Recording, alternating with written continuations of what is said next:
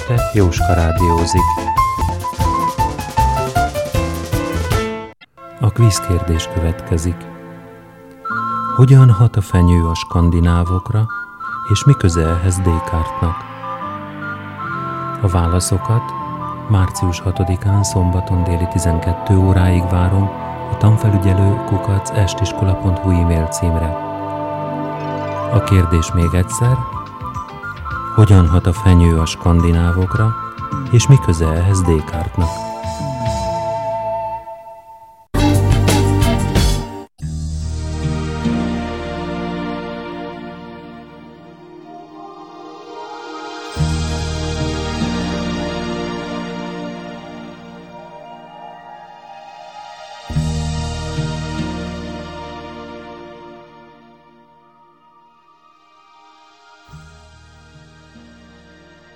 Bulgakov, A Mester és Margarita. Részletek. Második fejezet. Poncius Pilátus.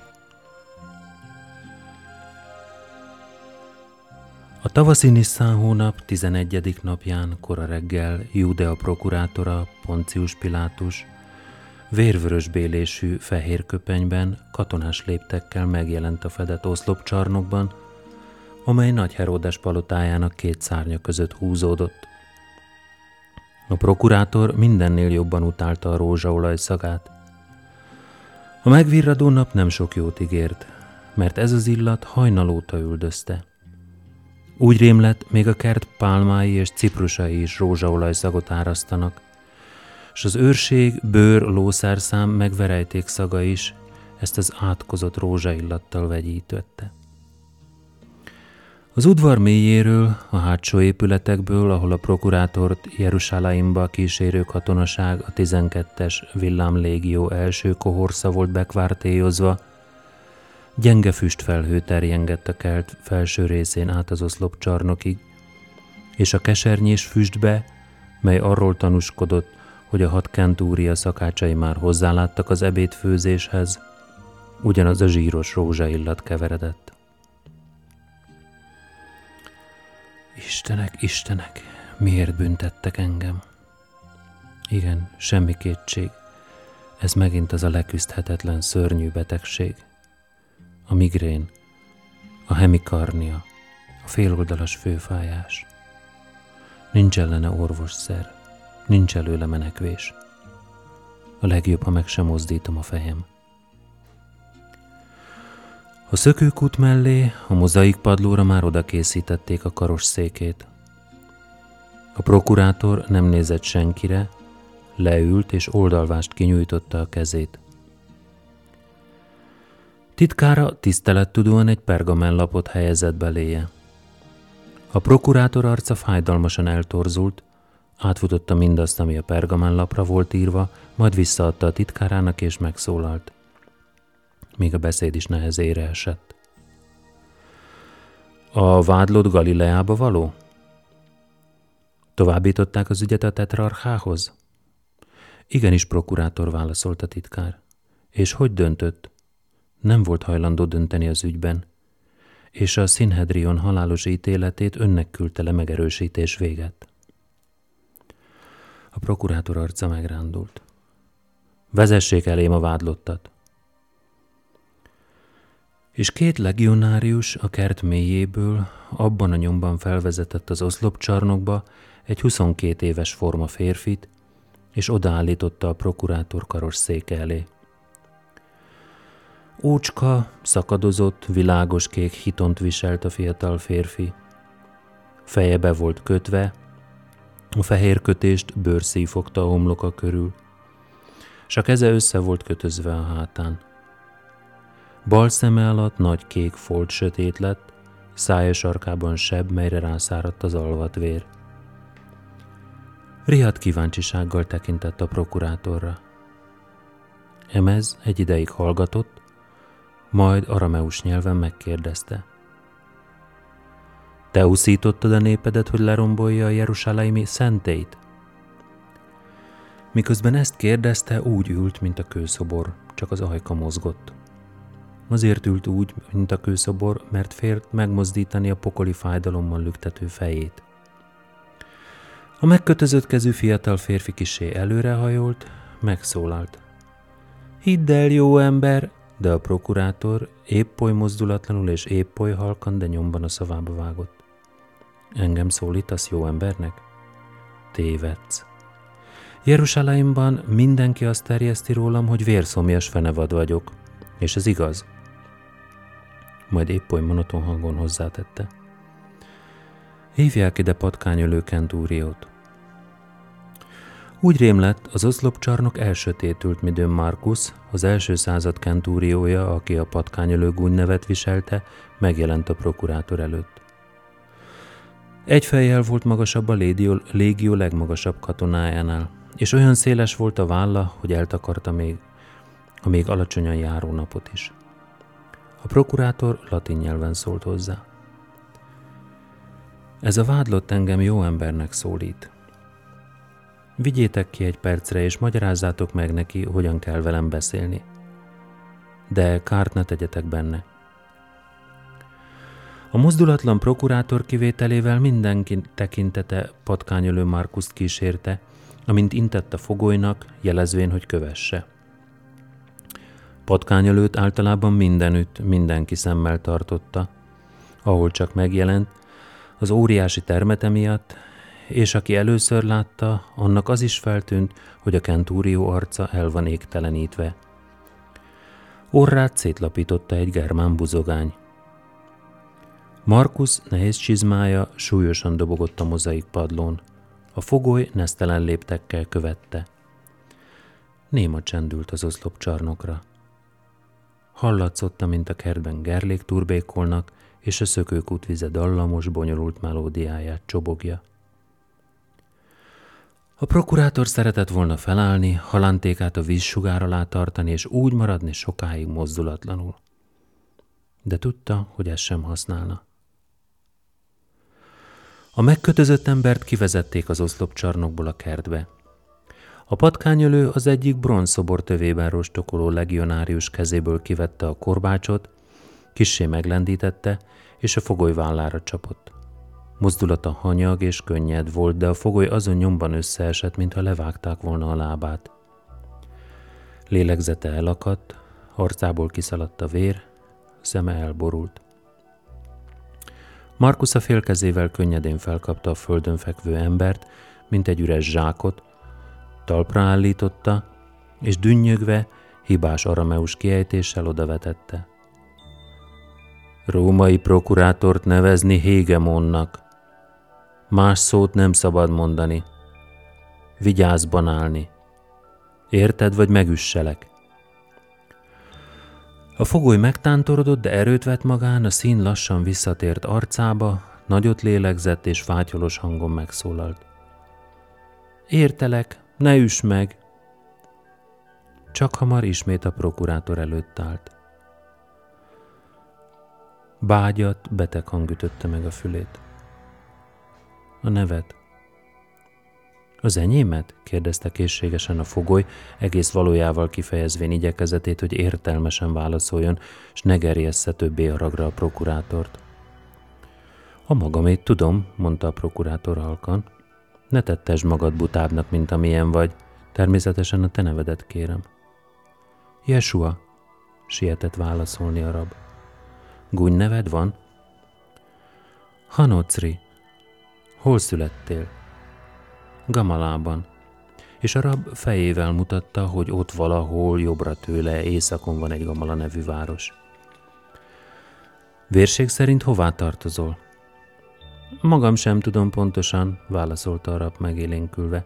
Szüleimre nem emlékszem, azt mondták, atyám szíriai volt, állandó lakhelyed. Állandó lakhelyem nincs, felelte a rab röstelkedve. Városról városra járok. Ezt rövidebben is ki lehet fejezni. Egy szóval csavargó vagy, állapította meg a prokurátor, majd megkérdezte. Vannak hozzátartozóid? Nincs senkim. Egyedül vagyok a világon. Tudsz írni, olvasni? Tudok. Beszélsz-e más nyelven az arameuson kívül? Beszélek görögül. A prokurátor duzzadt szemhéja kisé fölemelkedett. Szenvedéstől hájogos fél szeme a rabra tekintett. A másik zárva maradt. Azután görögül szólalt meg a helytartó. Tehát le akartad rombolni a templomot, és erre tüzelted a népedet. A rab ismét megélénkült, szeme már nem árulkodott félelemről. Görögül válaszolt. Soha életemben jó ember... Itt szemében ismét felvillant a rémület, amiért kis ilyen elszólta magát. Soha Hégemon nem akartam lerombolni a templomot, és senkit sem uszítottam erre az értelmetlen cselekedetre. A titkár, aki alacsony asztalka fölé görnyedezve jegyezte a fogoly vallomását, meglepetten tekintett fel a szavakra, de nyomban ismét pergamenje fölé hajolt. Ünnepekre sokféle fajta ember csődül ebbe a városba. Van közöttük mágus, asztrológus, jövendőmondó, gyilkos, hazudozó is akad, mormolta egy kedvűen a prokurátor. Te például a hazudozókhoz tartozol. Itt világosan meg van írva, a templom lerombolására úszította a népet. Így vallottak a tanúk. Azok a jó emberek, kezdte a és sietve hozzátette, Hégemon, majd így folytatta, nem tanultak semmit, és mindent összezavartak, amit mondtam. Attól tartok, ez az űrzavar még hosszú ideig el fog tartani.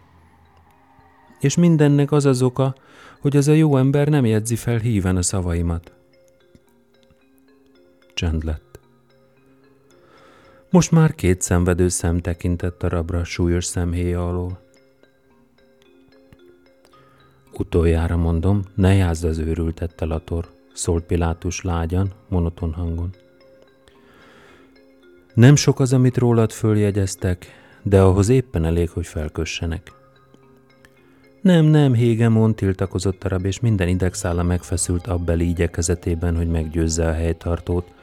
Állandóan a nyomomban van azzal a kecskebőr pergamennel, és szüntelenül ír, jegyez, de én egyszer belenéztem a följegyzéseibe, és megrémültem. Egy árva szót sem mondtam mindabból, ami oda fel van írva. Kérve kértem, légy szíves, égesd el a pergamenedet, de kitépte a kezemből, és elszaladt vele. Kiről beszélsz? kérdezte Pilátus kelletlenül, és megérintette halántékát a kezével. Lévi Mátéról, magyarázta a rab készségesen. Vámszedő volt, a Bétvágéba vezető úton találkoztam vele először, a fügéskert sarkánál, és szóba elegyedtünk. Eleinte rossz szemmel nézett, sértegetett, azaz, hogy azt hitte megsért, ha kutyának nevez. Jó magam személy szerint, folytatta mosolyogva, semmi rosszat nem látok ebben az állatban, amiért megsértődnék, ha így szólítanak. A titkár abba hagyta az írást, és meglepetten pillantott. Nem a rabra, hanem a helytartóra de mire végre végighallgatott, lassan megenyhült, folytatta Jesua. A végén eldobta a pénzt, és azt mondta, velem jön. Pilátus elmosolyodott a fél arcával, hogy előtűntek meg sárgult fogai, majd egész törzsével a titkárhoz fordult. Ó, Jeruzsálem városa, hogy mi minden nem történik benned! Halljátok ezt? A vámszedő eldobta a pénzét az országúton. A titkár, nem tudván mit válaszoljon, a legokosabbnak látta, hogy pontosan utánozza ura mosolyát. Igen, azt mondta, hogy megutálta a pénzt, magyarázta Joshua, hogy megindokolja Lévi Máté különös viselkedését, majd hozzáfűzte. Azóta társamul szegődött,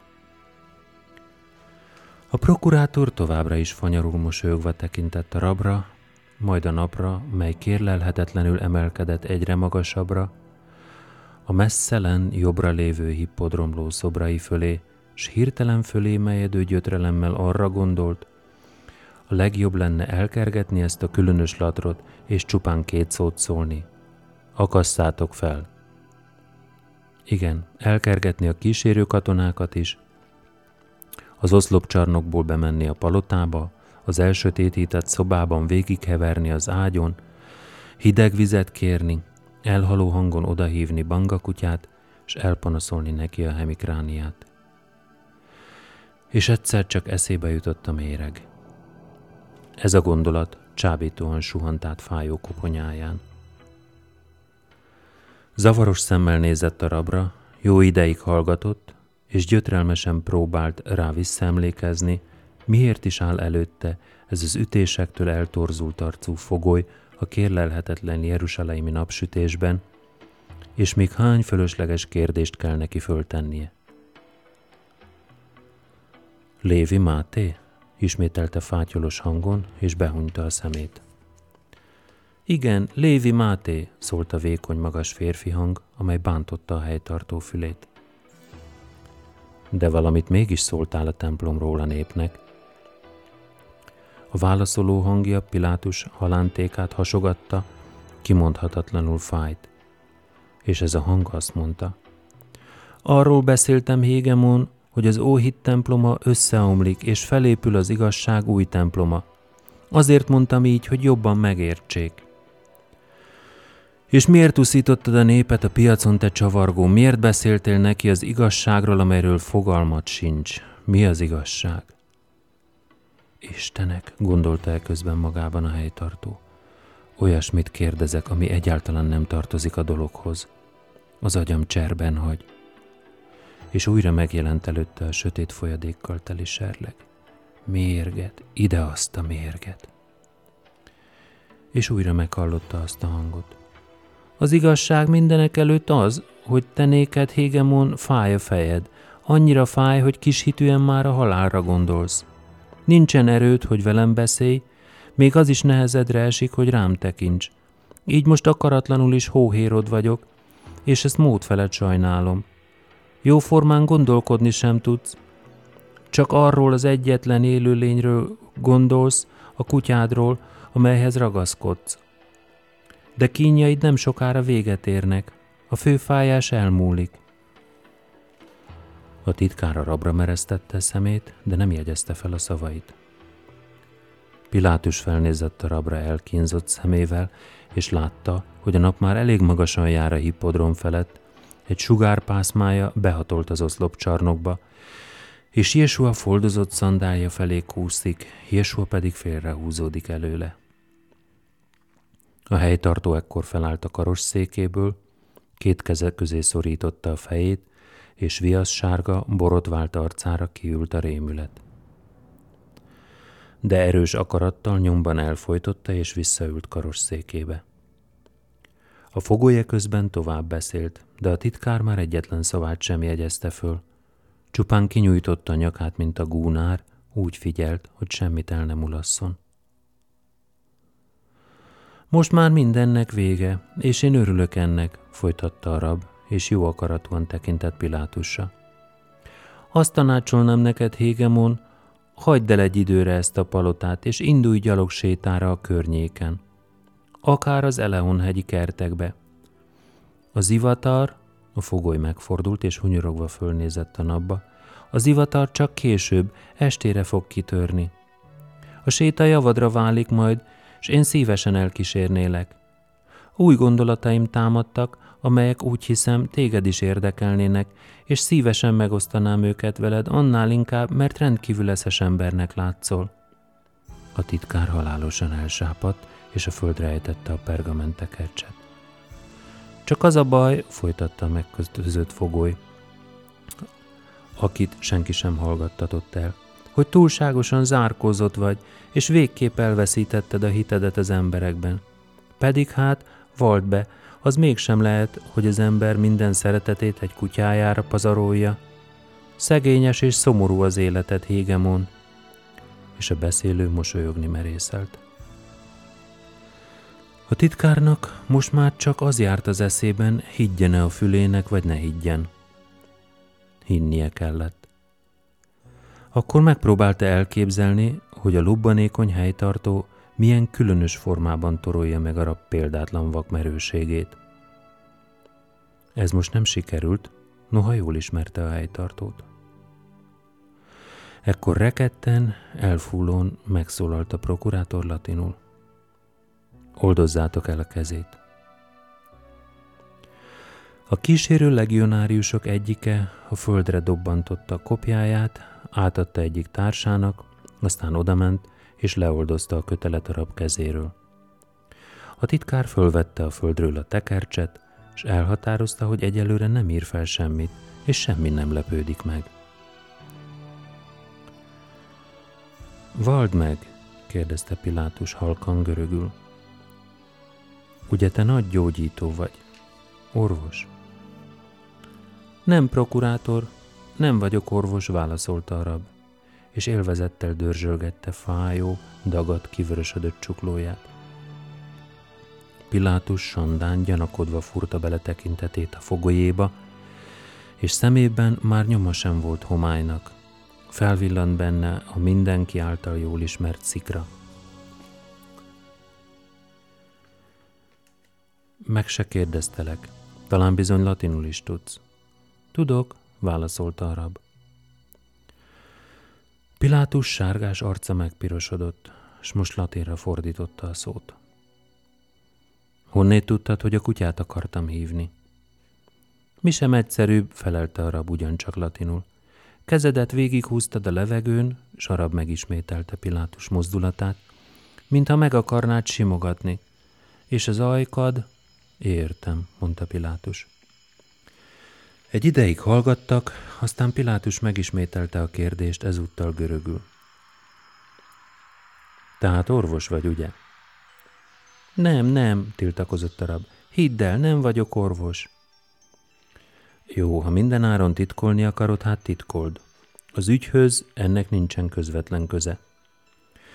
Azt állított tehát, hogy nem uszítottad a népedet, hogy rombolják le, vagy égessék fel, vagy valamely más módon pusztítsák el a templomot. Ismétlem, Hégemon, senkit sem uszítottam semmilyen félére, talán gyenge elmélyűnek látszom. Ó, nem, nem látszol gyenge elmélyűnek, válaszolta halkan a prokurátor, és elmosolyodott furcsa, ijesztő mosolyjal. Esküdj meg hát, hogy nem cselekedtél semmilyen félét. Mire akarod, hogy esküdjem? kérdezte most már nagyon megélénkülve a kötelékétől megszabadult fogoly. Mondjuk az életedre, ajánlotta a prokurátor. A pillanat éppen alkalmas arra, hogy megesküdjél rá, hiszen úgyis egy hajszálon függ, tud meg. Talán azt hiszed, te függesztetted föl, Hégemon, kérdezte a rab. No, ha ezt hiszed, erősen tévedsz. Pilátus összerezzent és fenyegetően dünnyögte. Én elvághatom ezt a hajszálat. Ebben is tévedsz, mondta a rab sugárzó mosolyjal, kezével ernyőzve szemét a nap ellen. Mert ugyebár elismered, hogy csak az vághatja el a hajszálat, aki felfüggesztette. Pilátus elmosolyodott. Igen, igen, most már nem kételkedem benne, hogy a Jeruzsálemi szájtátók csapatostul szegődtek a nyomodba. Nem tudom, ki függesztette a nyelvedet a helyére, de akárki volt, ügyesen csinálta. Egyébként mond csak, igaz-e, hogy a susai kapun átvonultál be Jeruzsálemba Szamárháton és a csőcselék, amely kísért üdvrivalgással úgy köszöntött, mint valami profétát? És a prokurátor a pergamenteket sem mutatott. A fogoly hüledezve nézett a prokurátorra. De hisz nincs is szamaram Hégemon, Igaz, valóban a susai kapunát érkeztem Jeruzsálemba, de gyalogszerrel, és csupán az egy Lévi Máté kíséretében, és senki semmit nem kiáltott felém, hiszen akkor senki sem ismert ebben a városban. Ismered-e a következő három szemét? kérdezte Pilátus, és le sem vette szemét a fogolyról eközben. Egy bizonyos Dismaszt, egy Gestas nevezetűt, és harmadszor Barrabbant. Nem, ezeket a jó embereket nem ismerem. Igazán nem ismered? Igazán. Most pedig mondd meg nekem, miért használod állandóan ezt a kifejezést jó emberek? Mindenkit így szólítasz? Mindenkit, erősítette meg a rab. Rossz ember nincs a világon. Ezt először hallom, mosolygott Pilátus. De meg lehet nem ismerem eléggé az életet. A továbbiakat nem kell jegyezned, fordult a titkárához, holott az amúgy sem írt fel semmit. Majd folytatta a beszélgetést a rabbal. Talán egy görög könyvben olvastál erről? Nem, önállóan jutottam erre az eredményre. És ezt hirdeted? Igen, ezt hirdetem. Itt van például Marcus Centurio, akit patkányölőnek neveznek. Szerinted ő is jó ember? Ó, igen, csak persze boldogtalan. Amióta a jó emberek elcsúfították az arcát, azóta durva lett és kegyetlen. Vajon kitette ezt vele? Érdemes volna megtudni.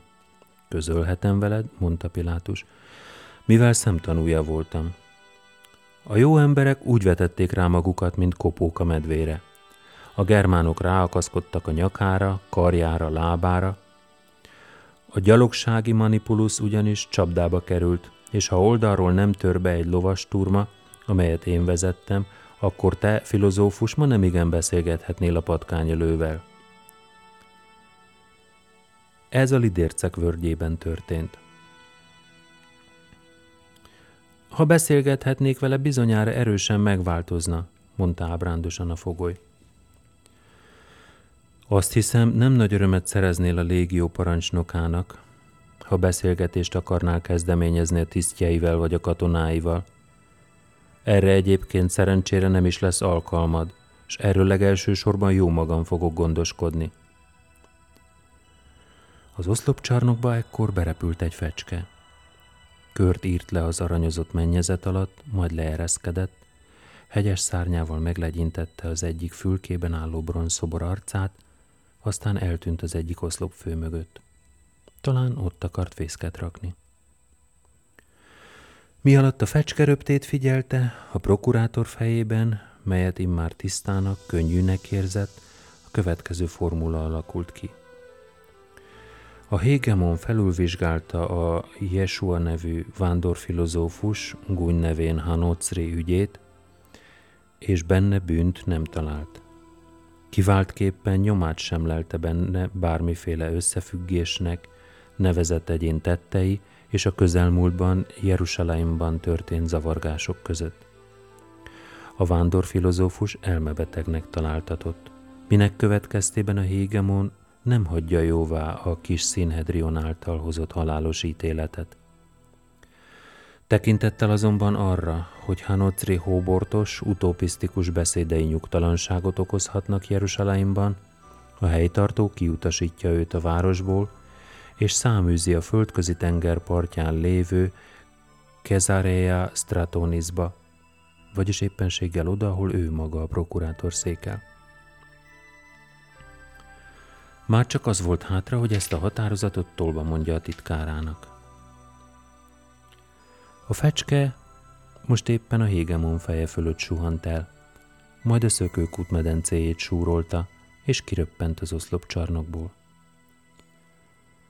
A prokurátor felnézett a rabra, és észrevette, hogy mellette valósággal lángol a poroszlop. Ez is őróla szól? kérdezte titkárától, aki másik pergament nyújtott át neki.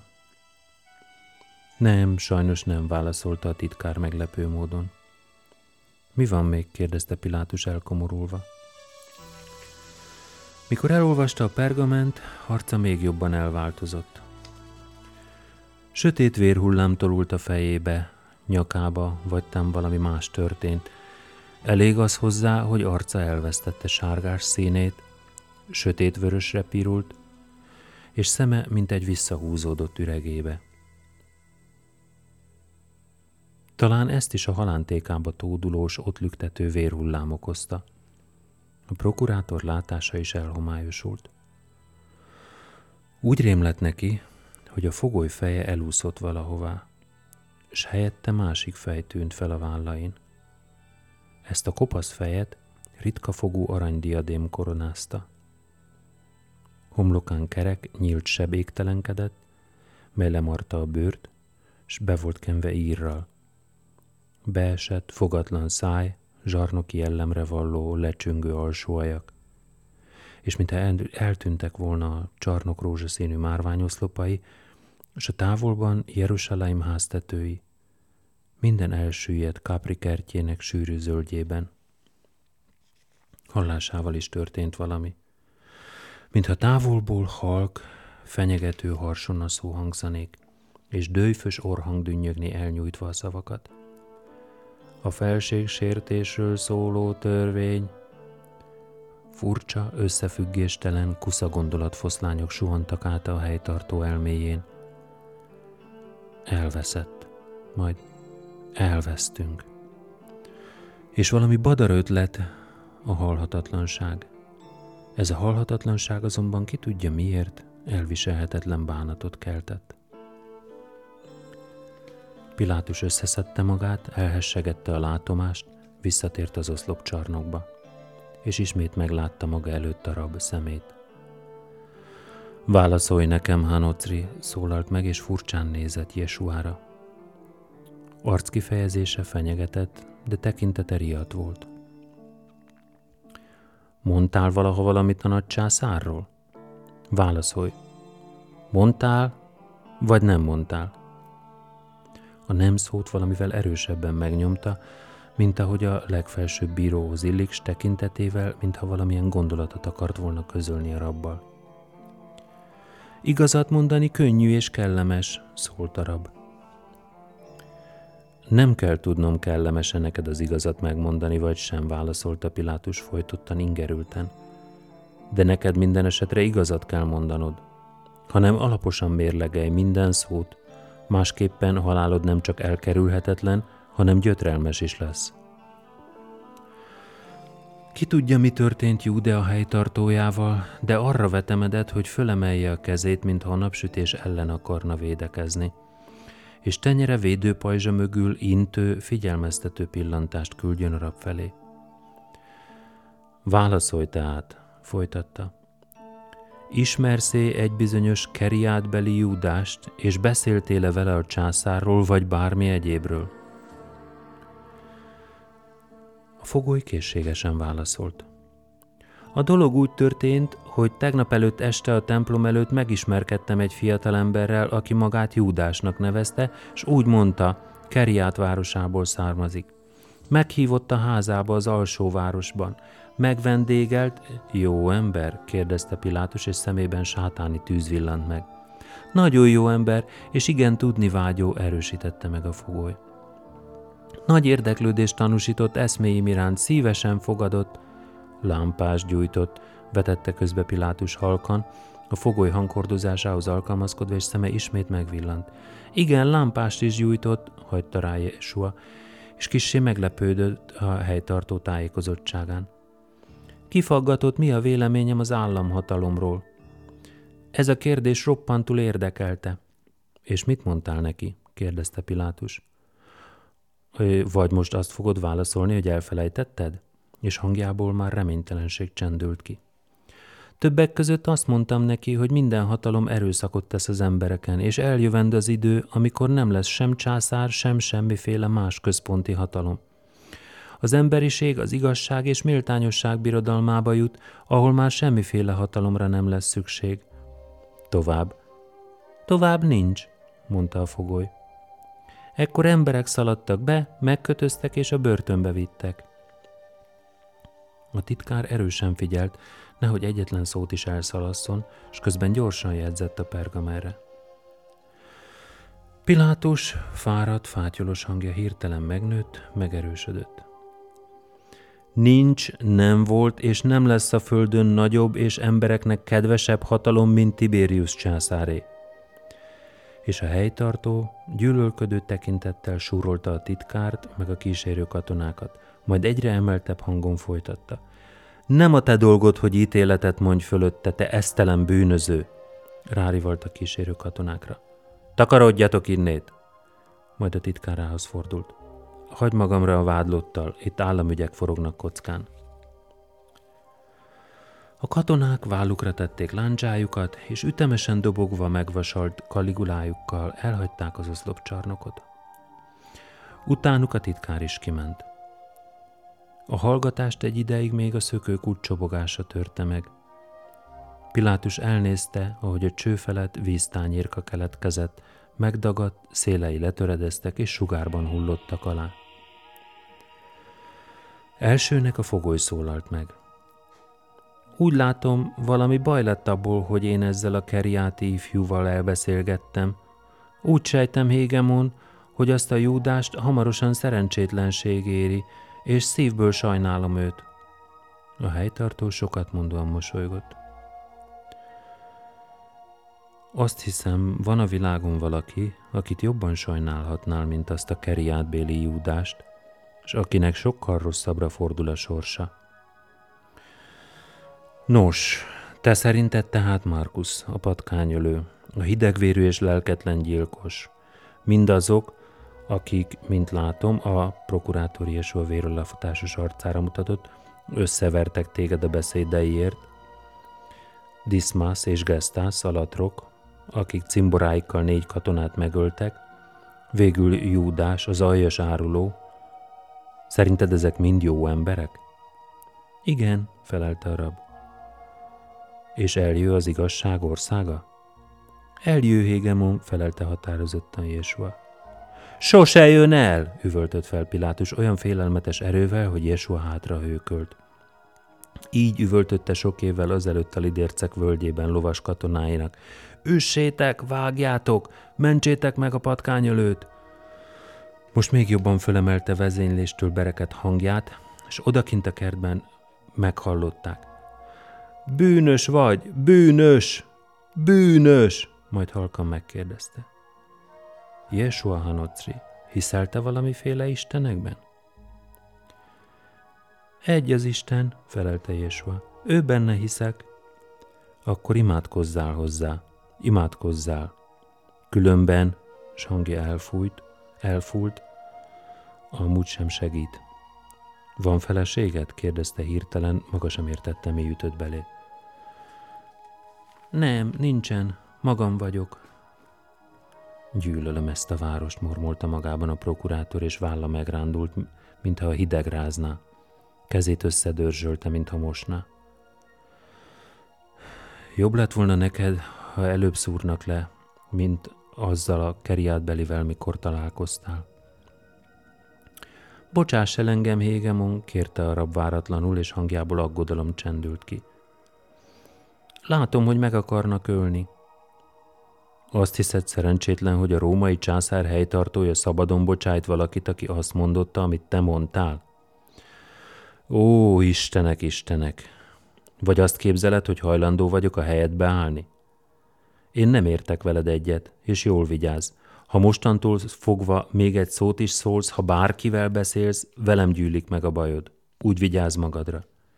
Hégemon, hallgass, rivalt rá Pilátus, és dühöngő tekintettel követte a fecskét, amely ismét ott cikázott az oszlopok között. Ide hozzám, szólította azután az őrséget. És miután a kísérő katonák meg a titkár visszatértek, Pilátus kijelentette, hogy helyben hagyja a halálos ítéletet, amelyet a kis Színhedrion hozott a Yeshua Hanocri nevű vádlott ügyében, a titkár pedig gondosan följegyezte a helytartó szavait. A következő pillanatban már ott állt előtte Markus a patkányölő. A prokurátor elrendelte, adja át az ítéletet a titkos szolgálat parancsnokának azzal a szigorú parancsal, hogy Jesua Hanocrit különítsék el a többi rabtól, továbbá, hogy a titkos szolgálat embereinek a legsúlyosabb büntetés terhe mellett meg van tiltva, hogy Jesuával bármiről is szót váltsanak, vagy kérdéseire válaszoljanak. Markus intésére a kísérő katonák körülfogták Jesuát, és elvezették az oszlopcsarnokból. Most egy szőke, szakállas dalia állt a helytartó elé. Sisak forgóján sastól, mellén villogó aranyoroszlán fejek. Kardja markolatán ugyancsak aranylapocskák. Háromszoros talpú saruja térdéig fűzve, bíborpalástja bal vállára vetve. A légió parancsnoka volt, a legátus. A prokurátor megkérdezte tőle, hol tartózkodik a szebásztei kohorsz. A legátus közölte, hogy a szebászteiek a hippodrom előtti teret vették körül kordonnal, mivel ott fogják kihirdetni a népnek az ítéletet a bűnösök felett.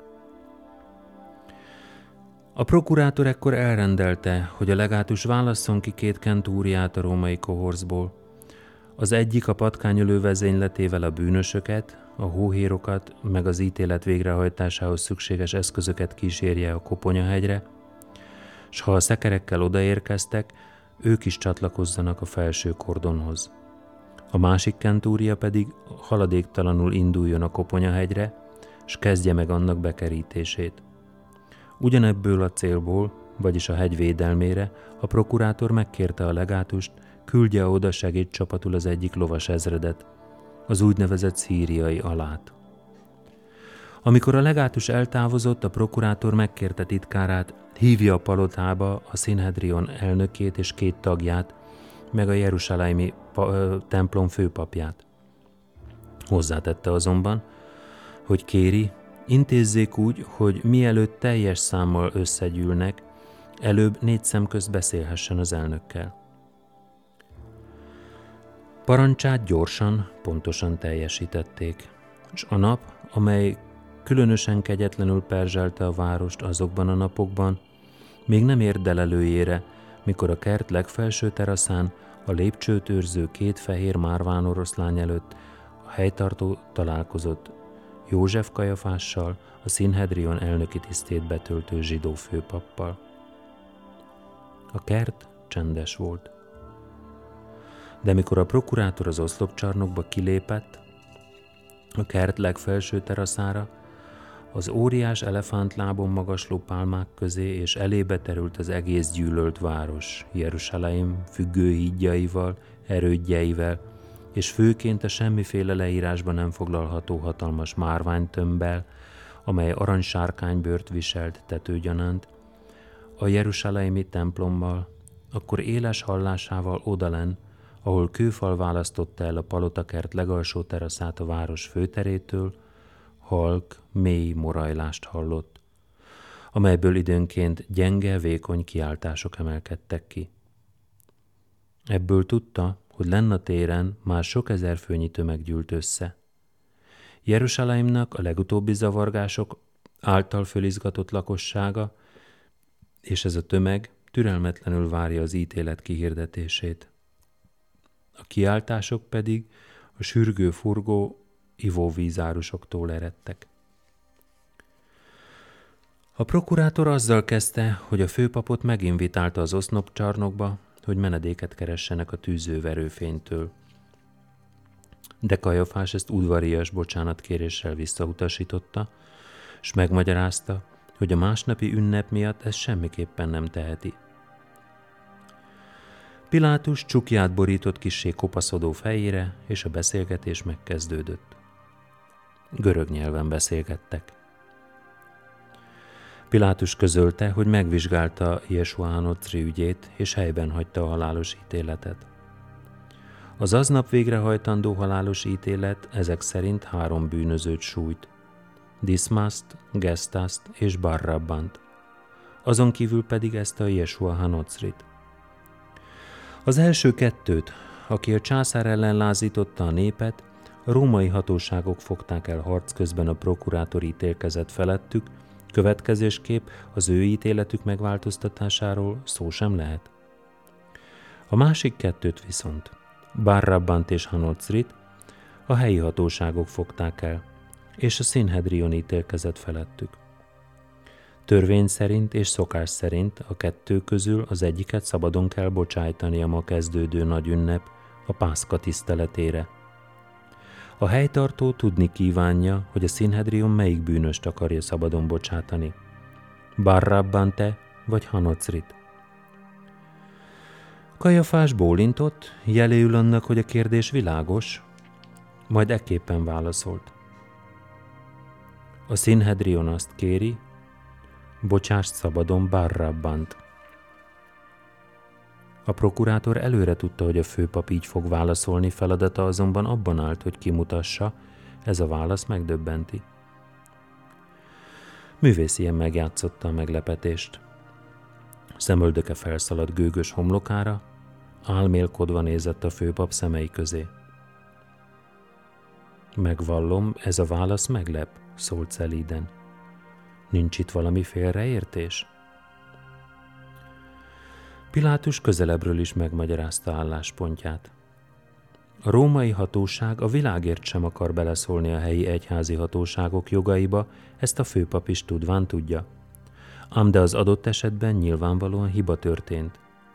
Ennek a hibának az orvoslásában pedig természetesen a római hatóság is erősen érdekelt.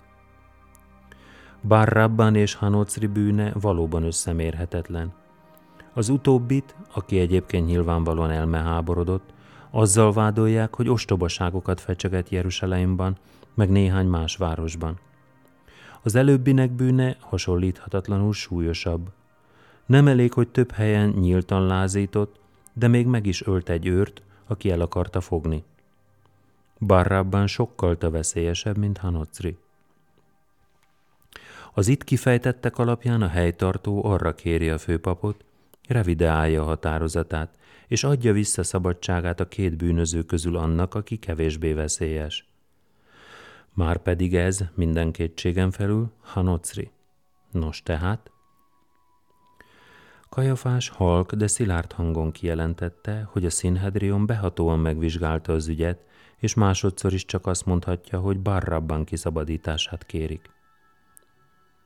Hogyan? Még az én közbenjárásom után is? Ne feled, hogy az én személyemben Róma beszél. Főpap, ismételt meg harmadszor.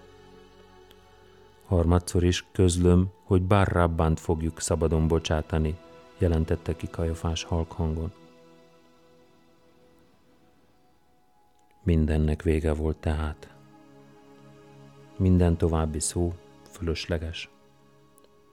Hanocri mindörökre eltűnik, nincs többé, aki a prokurátor szörnyű főfájását meggyógyítsa, nincs ellene más orvosság, csak a halál.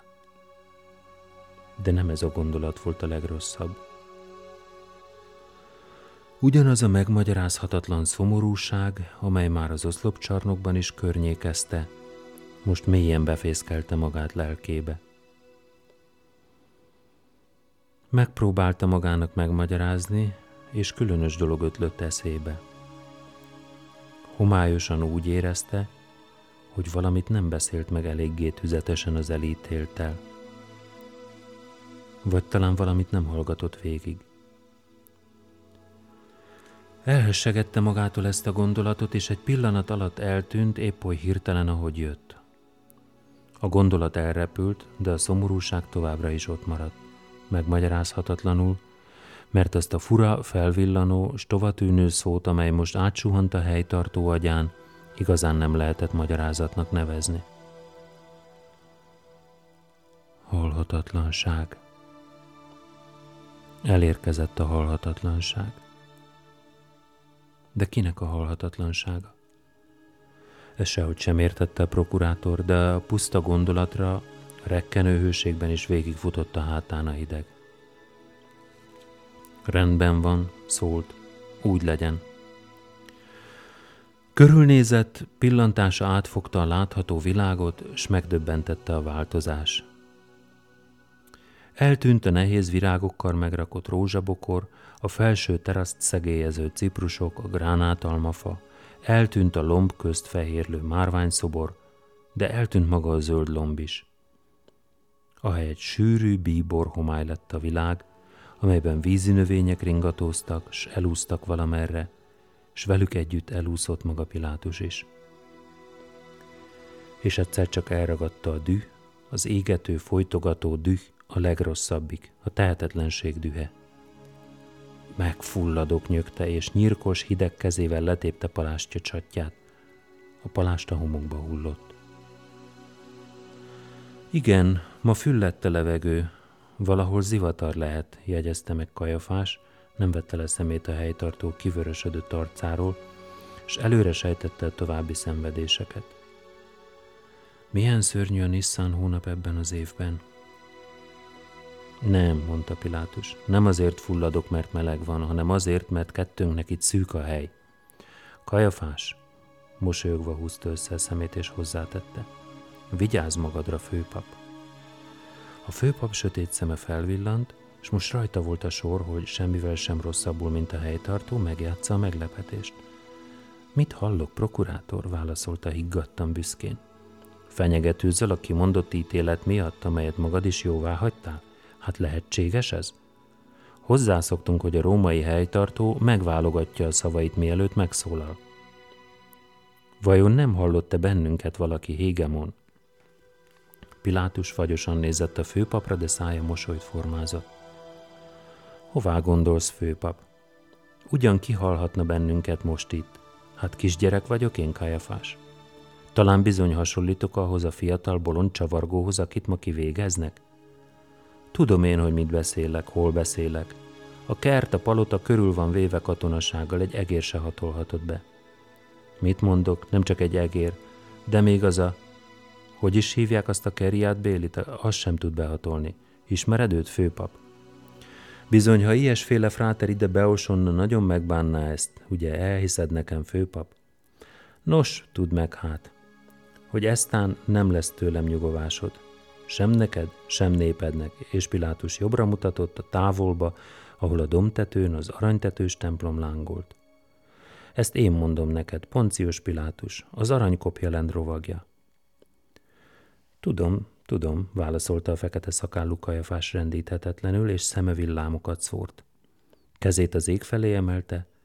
Tudja a zsidó nép, hogy oldhatatlan gyűlölettel gyűlölöd, és sok keserűséget fogsz neki okozni, de tönkre nem teheted. Megoltalmazza az Isten. Meghallgat bennünket, és meghallgat a mindenható császár, megoltalmaz minket Pilátus pusztító haragjától.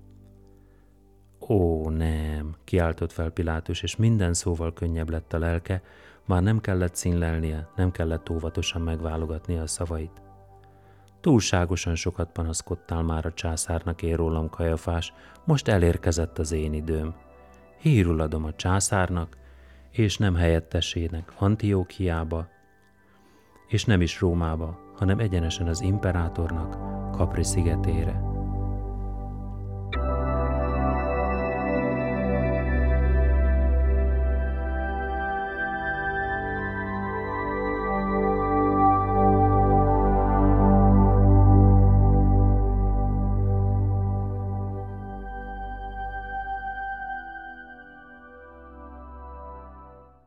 A kvízkérdés következik. Hogyan hat a fenyő a skandinávokra, és mi köze ehhez Descartesnak? A válaszokat március 6-án szombaton déli 12 óráig várom a tanfelügyelő kukac estiskola.hu e-mail címre. A kérdés még egyszer, hogyan hat a fenyő a skandinávokra, és mi köze ehhez Descartesnak?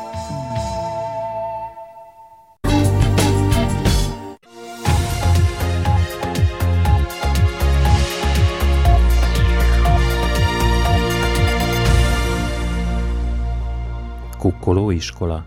Amerikai szülők egy csoportja azt állítja, gyermekük iskolája a gyermek után kémkedik szatén rózsaszín laptop webkamerájának távirányításos bekapcsolásával. Lézerhámozó. Fizikusok ugyanazzal a technikával tudják híres műtárgyakról, például falfestményekről leszedni a rezedazöld koszt, amivel a tetoválást szokták eltávolítani. Mikor fog jobban az agy? Amerikai kutatók úgy találták, a napközbeni szundikálás után javul a kikerít sárga agy új információt befogadó képessége. Szeméthegyek Az ENSZ jelentés rámutat, hogy sürgős beavatkozás szükséges a fejlődő országokban felhalmozott játszintpiros elektronikus hulladék ügyében.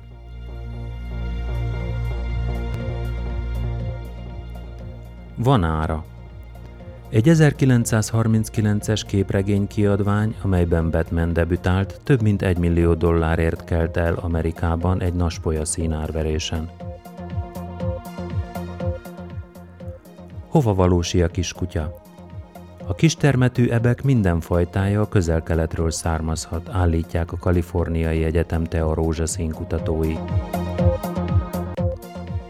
Dalolva a beszédért. Ha megtanul a sztrókon átesett beteg énekelni, az segít újra húzagolni az agyat, ezáltal helyreállítani a beszédkészséget, állítják magyar piros kutatók. Óriás ragadozó cápa. Egy 10 méter hosszú cápa megkövült retekvörös maradványaira bukkantak az amerikai Kansas államban. Elkelt a 10 milliárdomodik. Az iTunes online boltjában a 10 milliárdomodik letöltésre eladott Levendula Lila zeneszám a Black Eyed Peas I Got a Feeling című száma volt.